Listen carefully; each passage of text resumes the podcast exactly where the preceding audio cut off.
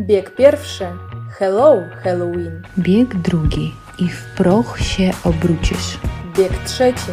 Na słodko, na literacko i na komercyjnie. Bieg czwarty. Zaplecze podcastu. Dasza, dobry wieczór. Dobry wieczór, Pani Katarzyno. Pani Dario, słucham uważnie, co u Pani się zdarzyło przez ostatni tydzień. Ech, jakbyśmy nie rozmawiały przez cały tydzień, słuchaj. Ale dobra. Ostatnio zamówiłam sobie obrazy po numerach. Masz jeszcze jeden talent, o którym nie wiedziałam jeszcze. Ale wytłumaczę o co chodzi. Obrazy po numerach to są kolorowanki dla dorosłych 18. Że na przykład mam obraz, e, jakieś zdjęcie, nawet to może być moje zdjęcie na zamówienie, ale mi się wydaje, że to później dopiero muszę osiągnąć poziom taki podstawowy w malowaniu. No i przychodzi taki obraz, y, wygląda jak kolorowanka i ma numery. Farbki też są w komplecie, pędzelki również. Po prostu sobie y, siedzisz y, i zgodnie z tym, jak znajdują się numery na obrazie, po prostu sobie malujesz odpowiednim kolorem i wychodzi później super obraz. Może nawet na Instagramie pokażemy. No, pokażemy. Polski w biegu, zapraszamy, pamiętamy. Czyli da się widzę, że coś w rodzaju medytacji. Myślę, że robisz to nie żeby zostać kolejnym Michałem Aniołem. I tu my wspominajmy, że to nie Michał Angel, a Michelangelo. Ale po prostu, żeby troszeczkę odpocząć e, i po takim długim, ciężkim dniu pracy, tak, troszkę odsapnąć i tak. coś porobić bez, bez myślenia, tylko mechanicznie. Zmienić trochę otoczenie psychiczne. Więc e, tak spędzałam ostatnie dni. No, oczywiście montowałam, edytowałam podcasty, ale to wiesz, to standard. No tak, to już w międzyczasie, w, w nawiasie, tak, to, to wszystko się robi samo przez siebie. No ale też rozumiem, że to naprawdę jako druga praca jest dla ciebie. To już jak e, drugie życie, tak naprawdę. No, a Pani Katarzyno, co u Pani się zdarzyło przez tydzień? Oj, to wiesz, ja mam takie babskie wiadomości, e, bo skończył mi się tusz do rzęs i pamiętamy, że po polsku tusz to on, na przykład wydłużający tusz, albo inaczej też możemy powiedzieć, że to jest maskara. Ale proszę nie mylić się z masakrą. E, tak, masakra to też często używane słowo przez Polaków i o tym już mówiłyśmy. E, no więc, e, jeśli nie znacie jeszcze tych słówek, to w słowniczku na Instagramie, w stories wszystko znajdziecie i to mm, wystarczy tylko wejść. To tam wszystko jest tak przezroczyście. No i poszłam do takiej drogerii i e, długo wybierałam, zastanawiałam się, jaki jest lepszy. No i pamiętam, że kiedyś kupiłam taki tusz wodoodporny, chociaż go nie potrzebowałam. I potem nie mogłam go zmyć niczym, więc szukałam, żeby był zwykły. Potem pamiętam, kiedyś kupiłam taki brązowy, więc szukałam, żeby był czarny. No i znalazłam z taką fajną szczoteczką silikonową, taki piękny, dobry, nawet niedrogi był. I wzięłam do ręki próbkę. Okazał się taki fajny, właśnie o takim marzyłam. No, oczywiście nie będę kupowała tej próbki i wzięłam ten zapakowany egzemplarz, który był z tyłu. Przyszłam do domu, chcę zrobić makijaż i fajnie kolor niebieski. Taki po prostu błękitny. O kurde, co ty gadasz? I ja nie wiem, Dasza, jeśli potrzebujesz, mogę Cię wysłać. Ja nie wiem, gdzie ja będę chodziła z, te, z takim makijażem, z takimi niebieskimi rzęsami, jak jakaś, nie wiem, księżniczka. No i chyba, że na jakiś Halloween, na taki bal e, mogę zrobić sobie makijaż, e, nie wiem nawet kogo, królowej śniegu i, i pójść. A po drugie, jednak zdecydowałam się na to, żeby spróbować jednak, jak to będzie wyglądało. No i dostałam alergię, jakieś, e, nie wiem, czerwone oczy miałam wieczorem e, i po prostu nie, nie wiem teraz, co z tym zrobić. No, nie ekologicznie, głupio i teraz muszę szukać kolejnej maskary, bo nie mam dobrej. O, to też może przeczytaj opinię sobie na jakimś forum, bo to czasami warto. No, mogłabym przeczytać, ale kolor wybrałabym i tak nie ten. Rozumiem, rozumiem. No to co, Dasza, już zdradzamy dzisiejszy temat? Tak, ale myślę, że może ktoś nas słucha po raz pierwszy. Witamy! Witamy, trochę się przedstawimy. Мы Катя и Даша, как всегда, проводники в мир польского языка, лайфхаков и всего самого интересного. Мы делимся своим опытом как преподавания, изучения польского языка, так и Даша делится опытом проживания в Польше уже больше семи лет, и поэтому Даша может ответить на какие-то актуальные вопросы, потому что сейчас она находится в Польше. Dasza, no już powiedziałyśmy o tym święcie, które tuż, tuż przed nami. То есть мы сегодня с вами поговорим о празднике, а даже о праздниках, которые в начале ноября празднуются в Польше. Это не случайно, что именно эта пора выбрана для такого рода праздников, потому что ноябрь — это такая серая, унылая, дождливая, грустная пора, и это самое время порефлексировать над нашими жизнями, есть ли что-то после жизни, подумать о людях, которых уже нет с нами, ну потому что природа засыпает, умирает, и вместе с этим приходят к нам в голову разные мысли. Еще напомним, что ноябрь на польskim это listopad. Tak naprawdę ten temat nie należy tak do wesołych, ale to jest część naszego życia i jak mówią katolicy, że z prochu powstaliśmy, и в прух все обручимы. Эта тема не является веселой, конечно же, но это часть нашей жизни. Думаю, нужно об этом разговаривать. И как говорят католики, если дословно, из праха мы возникли и в прах обратимся. Но э, не стоит дословно этого выражения принимать. То есть, ну, понятно, что да, мы приходим неизвестно откуда и неизвестно, что с нами становится после смерти. Но тут тоже можно, конечно, долго дискутировать, потому что для верующих людей вопрос однозначен, что есть загробная жизнь, для агностиков тут немножко по-другому выглядит, для атеистов тут тоже все однозначно. То есть тут уже у каждого своя позиция, это дело каждого. No i jak Dasza powiedziała, ten temat nie należy do rozrywkowych, ale jakieś ciekawostki cię zawsze znajdą.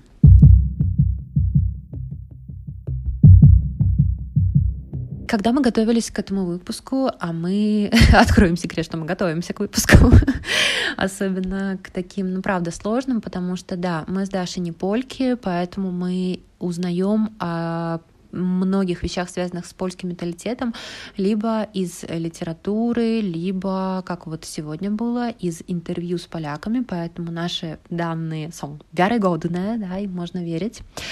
И что хочу сказать, что вообще тема смерти, лексика по теме смерть, она вообще очень редко встречается в учебниках. Поэтому сегодня можно сказать, что уникальный будет у вас контент. Можете конспектировать, либо потом в словарике в Инстаграме какие-то слова себе выписать.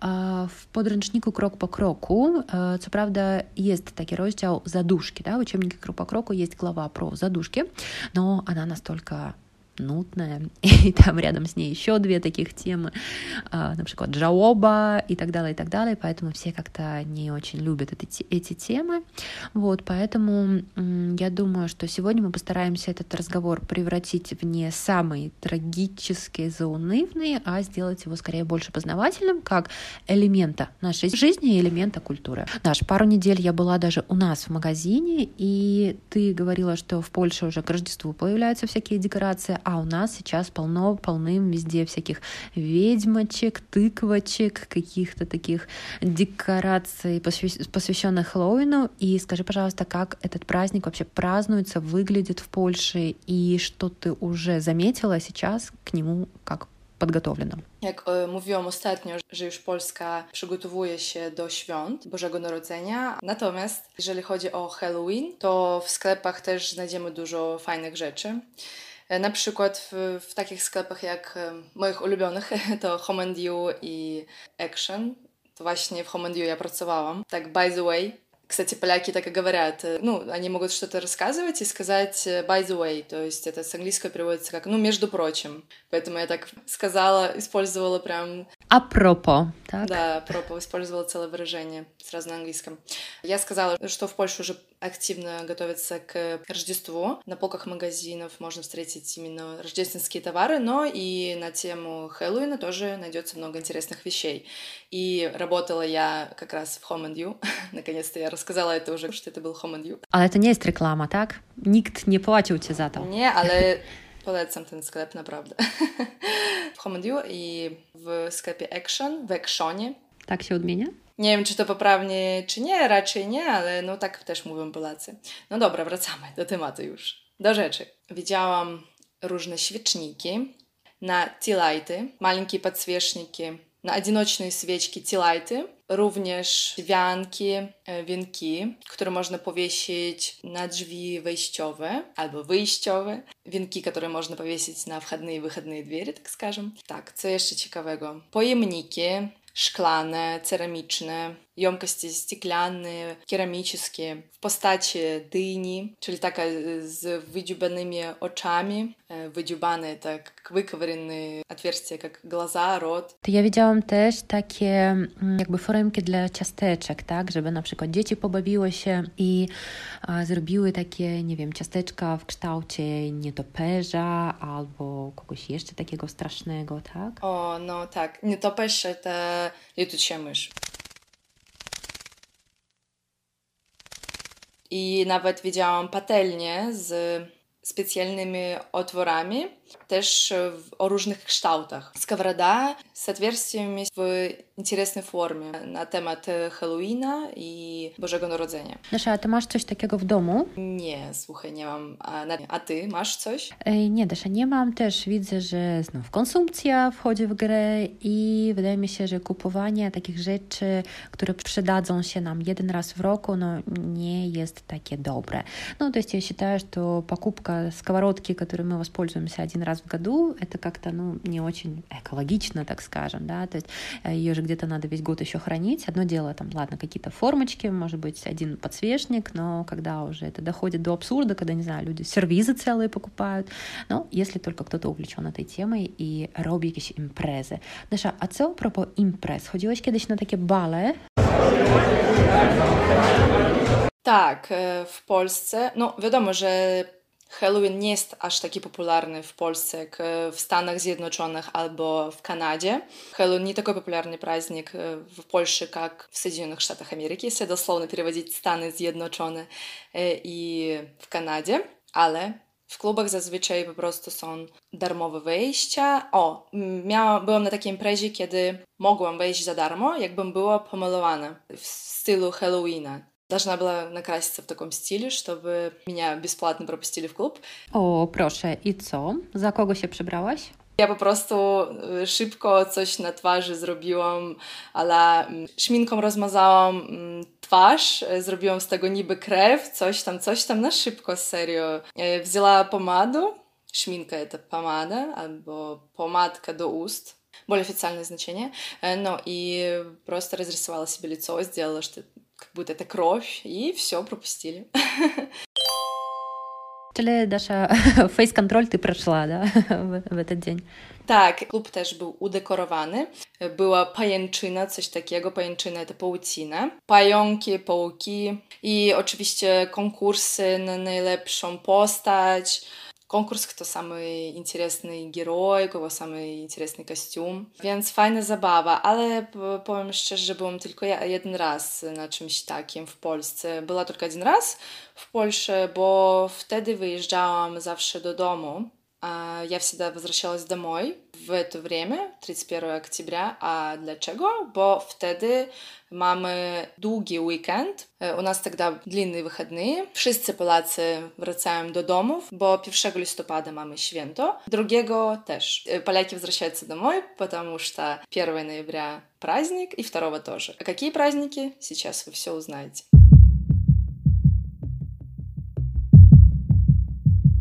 Даша, а ты сказала, что в Польше тоже довольно-таки активно в клубах проводятся вечеринки, но каким образом в католической Польше это вообще венжеще с такими важными праздниками, как Dzień Wszystkich Świętych и Zaduszki? Polacy znajdą czas tym okresie, żeby pójść na imprezę z okazji Halloweena i również później odwiedzić groby swoich bliskich. Поляки всегда найдут время, чтобы пойти в клуб, ну и, конечно же, пойти посетить могилы своих близких. Grób — это могила. А, да, то есть получается, что в Польше это два праздника идут параллельно, и если кто-то, может быть, эм, говорит о том, что да, Хэллоуин вытесняет задушки, и День всех святых, насаждается вот эта западная культура, нет, этого, я думаю, не происходит и никогда не произойдет, потому что э, праздник всех святых, он э, такой очень важный, очень духовный, и для поляков он третий по величине после Пасхи и Божьего Народзения, и Рождества Христова. Потому что поляки, они очень привязаны корнями к своим близким, домам, к истории своего рода, и поэтому в эти дни вся Польша превращается в такие ну, просто стоящие дороги, пробки, потому что поляки преодолевают сотни километров для того, чтобы оказаться в родной в какой-то деревушке, в городе, в котором они родились и где похоронены их предки. Поэтому, если вы, как мы уже когда-то говорили, если вы планируете куда-то ехать, допустим, не знаю, на самолет вам нужно успеть в эти дни, поэтому закладывайте время на то, что вы можете потратить на дорогу гораздо больше времени, потому что вся Польша куда-то передвигается с юга на север и с запада на восток и наоборот.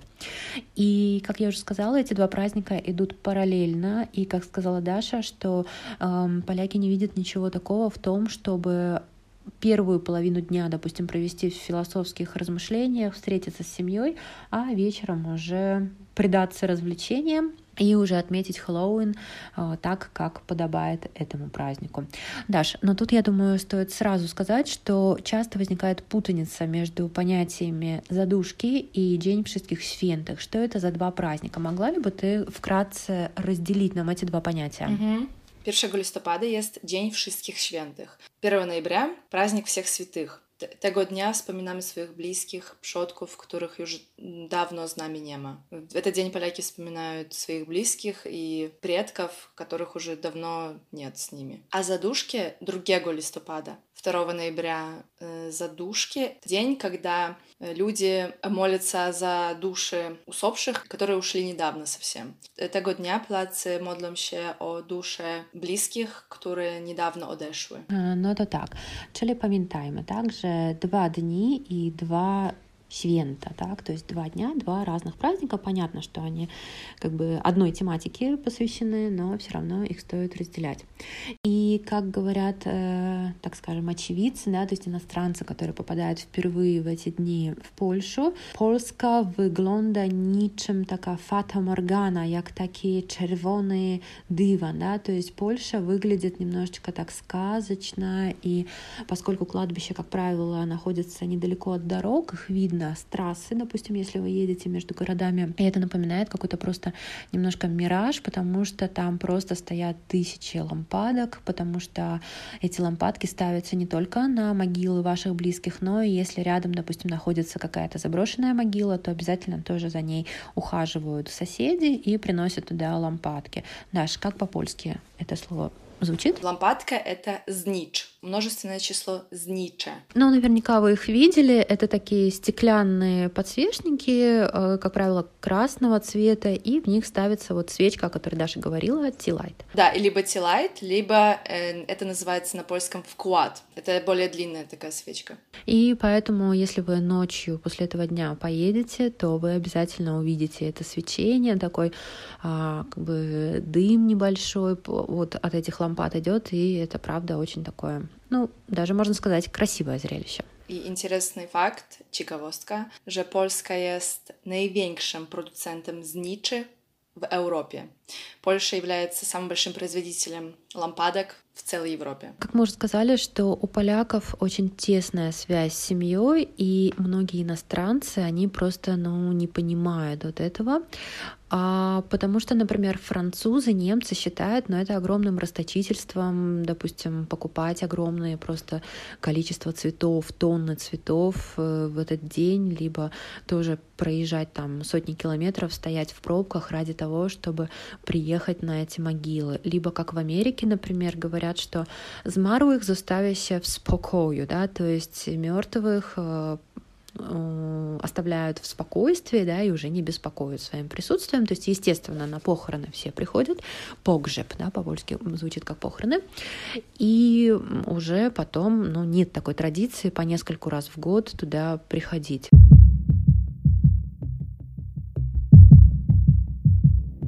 Pamiętam, jak w tamtym roku rząd polski ogłosił, że nie można będzie odwiedzić groby bliskich na cmentarzu. W zeszłym году правительство Польши запретило посещать кладбище. To jest związane oczywiście z koronawirusem, związane to естественно z koronawirusem, ale wtedy rozumiecie, że skoro Polska jest największym producentem zniczy в Европе, то спrzedawcy, то есть их хлеб, продавцы, которые продают эти цветы, лампадки, свечи к этим дням всех святых, то, понятно, это их хлеб. Из-за того, что запретили посещать кладбище, возникнул риск, что эти люди, они просто, продавцы останутся ни с чем.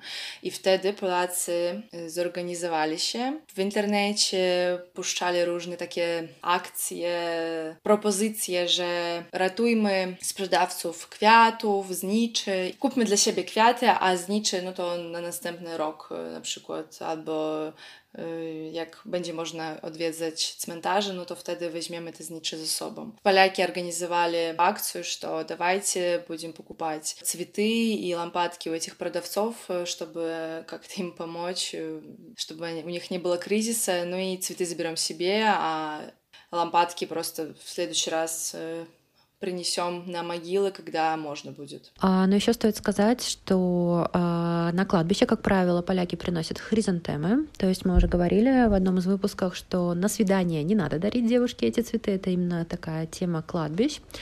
И в Польше нет такого правила, что это обязательно должно быть четное число цветов, пожиста личба квятов. Нет, не обязательно. То есть потому что нет, нет такой традиции. То есть в этом плане наоборот. Не обижайтесь, если вам подарят э, два каких-то, не знаю, цветочка, и ничего такого умысла в этом не ищите. И jeżeli to będą goździki, to też się nie. Если это будут гвоздики, то тоже не обижайтесь. Ну да, то есть там всякого советского подтекста, как у нас, допустим, ветеранам часто дарят на День Победы, там, там нет. А, и тоже стоит сказать, что во время этих праздников обязательно складаją wieńce przy grobach poległych podczas wojny. То есть, допустим, если есть какой-то памятник э, воинам, погибшим во время войны, либо могила неизвестного солдата, групп незнаnego żołnierza, na przykład w Warszawie się znajduje w centrum miasta, to тогда обязательно тоже в этот день о них вспоминают и приносят туда и венки, и цветы, и лампады. Поэтому тоже в этот день вспоминают и об этих людях. Ну, тоже стоит сказать, что для нас, в свою очередь, да, для русских кладбище всегда ассоциируется больше ну, с чем-то таким трагическим. Вряд ли кто-то из нас поедет туда на экскурсию или гулять, да? особенно если там наши похоронены близкие. В Польше это это больше напоминает не побоюсь этого слова, парк, да, потому что в Польше никогда не ставят оградки, там только стоят памятники, и если вы, например, поедете в Варшаву на знаменитое кладбище, которое называется Повонский, оно очень старинное, то там вы можете найти э, могилы, которые были несколько лет назад поставлены, это просто на самом деле произведение искусства, и стоит просто посмотреть, кто там похоронен из известных поляков, просто погулять там по аллеям этого кладбища, ну и просто подумать, что это как парк, да, и подумать тоже о вечном, но я думаю, ничего там страшного с вами не случится. И вообще кладбища в Польше, они иногда тоже выглядят не так типично, как в России, не знаю, как в Беларуси, в Украине, потому что иногда а, вот на этих таких строганах, да, вот этих лавках, предцментарных ярмарочных будах, да, то есть вот этих ларечках продаются воздушные шарики в виде Микки Мауса, обважанки, бублики. А в Кракове, например, есть тоже традиционное такое лакомство, которое продается и готовится именно в эти дни. Оно называется медек турецкий, такой турецкий медок. Это такая традиционная сладость, которая продается именно вот э, в день всех святых, в день задушные. И делается она из сахара, из меда, и туда добавляется еще сода, то есть можете тоже в нашем инстаграме потом увидеть, как, как это выглядит. И туда добавляются всякие эссенции, вкусы ароматические, ваниль, и это такая сладость с орешками, которую можно в этот день купить в Кракове. В Варшаве, например, в тоже входит в традицию продажа таких лакомств, которое называется паньска скурка. Ну, немножко страшно это звучит, такая дамская кожица. Э, это тоже такое блюдо, которое можно попробовать там. И также малые обважанки, да, вот как мы уже сказали, такие маленькие бублики. Ну и в разных регионах Польши тоже разные есть свои такие традиции. Например, э, Лубельшчизна, там продаются повалки и, например, земя Чехановска, перетычки, ну и также стоит вспомнить вообще откуда взялась вот эта традиция, как, например, в России, да, у нас, как правило, несут на могилы, хотя на современных кладбищах, по-моему, это тоже уже запрещено, а, несут на могилы именно там кто-то несет, по-моему, алкоголь, чтобы помянуть, конфеты, там какие-то еще продукты. А, в Польше, получается, вот эта печиво-задушковая выпечка, она не попадала на могилы, а этими сладостями и этими бубликами одаривали э, попрошаек, вот этих э, людей, которые всегда возле кладбища собираются, жебжонцы, особые, жебрацы, попрошайки, и их называли джадами, да, то есть тоже этот праздник уходит далеко-далеко в давние века, и тогда он назывался джады. У Адама Мицкевича есть такая, такое произведение, называется джады, ну, это уже так, углубление в эту тему, и получается вот этот джад, вот этот нищий, который просит у вас милостыню и получает вот эти всякие сладости, он, ну, как будто бы имеет контакт с душами умерших людей, и только он может przekazać zmarłym ów specjalny, zaduszny posiłek, да, только он в силах передать вот вашим предкам усопшим вот это угощение, а jego modlitwa odmówiona za spoczywających będzie wysłuchana przez Бога, да, то есть он помолится за ваших близких, и Бог напрямую его услышит. Ну, вот такие интересные традиции. Катя, ты упомянула то, что возле кладбищ в Польше могут продаваться там, шарики, баллоники. Сразу вспомнила историю Gdańsku, obok hali targowej, возле Krytego Rynka w Gdańskie. Tam znajduje się pizzeria, kręgle, pizzerie, bowling, kebaby i obok sklep z wiankami, znicze tam można znaleźć i kwiaty. Возле этих развлекательных точек находится магазин именно с поминальными венками, цветами и лампадками. Ну и меня это всегда поражало немного. Такое соседство, да? Ну, такое сочетание несочетаемого. Ну, как всегда говорят, что люди, вне зависимости от кризиса, вне зависимости от э, карантина, они будут всегда рождаться, жениться и умирать. Поэтому эти три так. сферы — это самый прибыльный бизнес. То Поэтому правда. я думаю, что даже сейчас, э, когда запрещены, там, может быть, массовые какие-то мероприятия, но все равно, все равно это прибыльная сфера бизнеса, бизнеса, потому что этот процесс, ну, к сожалению, не прекращается. Неотвратительный. Да, неотвратительный, но поэтому, да, я думаю, что у них, у хозяев, да, вот этих магазинчиков, у них нет такого сентимента, как у нас, и они просто это воспринимают как товар, да, ну, магазин или услуги, которые мы оказываем. Dasza, my obiecałyśmy dzisiaj, że opowiemy o wywiadzie z Twoją koleżanką Kasią, nie? Tak, obiecałyśmy. No i myślę, że teraz e, będzie kontynuacja, nie? Czy, czy coś, masz jakieś plany? Dasza, ale wiesz co, patrzę na zegarek, to już półtorej godziny minęło, a ja już muszę biegnąć. Przepraszam Cię bardzo i przepraszam naszych słuchaczy. Oj, właśnie, ja zawsze te nasze nagrywania bardzo szybko mijają. Мы сказали о том, что мы вам обещали, естественно, интервью с моей подругой Касей, но прошло полтора часа, и уже надо нам бежать по своим делам. Вы спросите, в смысле, если выпуск сейчас на 30 минут, то как вообще, почему полтора часа записываем? Но на самом деле, откроем вам секрет, что примерно один выпуск мы записываем такой в грязном э, варианте, taki brudnopis. Brudnopis это черновик на польском. То нам займує година 15, э, так, час 15 времени, чтобы потом в итоге получили, ну, 35 minut. To minimum. Tak, no i nasza zasada jest taka, im więcej nag będziemy nagrywać, no to tym większa szansa, że ten odcinek będzie w przedziałach 30-40 minut. Czyli oddajemy Wam tylko śmietankę, да? то есть самые сливки, квинтэссенцию мы для вас э, выжимаем, а все остальное оставляем себе. А, я думаю, даже еще стоит сказать, что помимо того, что мы записываем полтора часа, мы еще долгое время обсуждаем тему нашего ну, не сказала бы сценария, потому что мы не прямо аж там по ролям все расписываем, но просто обсуждаем, естественно, о чем мы будем говорить. Э, часто нужно подготовить какую-то лексику, либо углубиться, почитать про какие-то темы, особенно, ну, какие-то более глубокие, да, то есть не просто какая-то болтовня, разговор, а еще и у нас такое заплече, да, то есть такое немножечко еще э, есть ну, какой-то бэкграунд такой. И еще э, интересно, что Катя сказала про сценарий. Тоже откроем вам kolejny sekret. Dzień откровений. Kolejną tajemnicę, tak, zdradzimy, bo первый выпуск мы записывали, я думаю, по сценарию. По сценарию в том плане, что мы не знали, как вообще это делается, как записывается подкаст. И просто у нас были такие темы прям прописанные фразы, что нужно, что как сказать, и поэтому, конечно, мне кажется, что, я думаю, Катя со мной согласится, что сейчас э, вот мы можем записать выпуск так, от души просто сами что-то проговорив от себя, без всякого сценария, и о, эти выпуски получаются, ну, не знаю, лучше. Более живыми, да. То есть нам даже слушатели наши сказали, что первый выпуск и новые выпуски, конечно, не сравнить, потому mm-hmm. что там не было спойности, и там как-то все так было разрознено по частям, а сейчас уже прям słucha się lepiej. Wszystko przychodzi z doświadczeniem.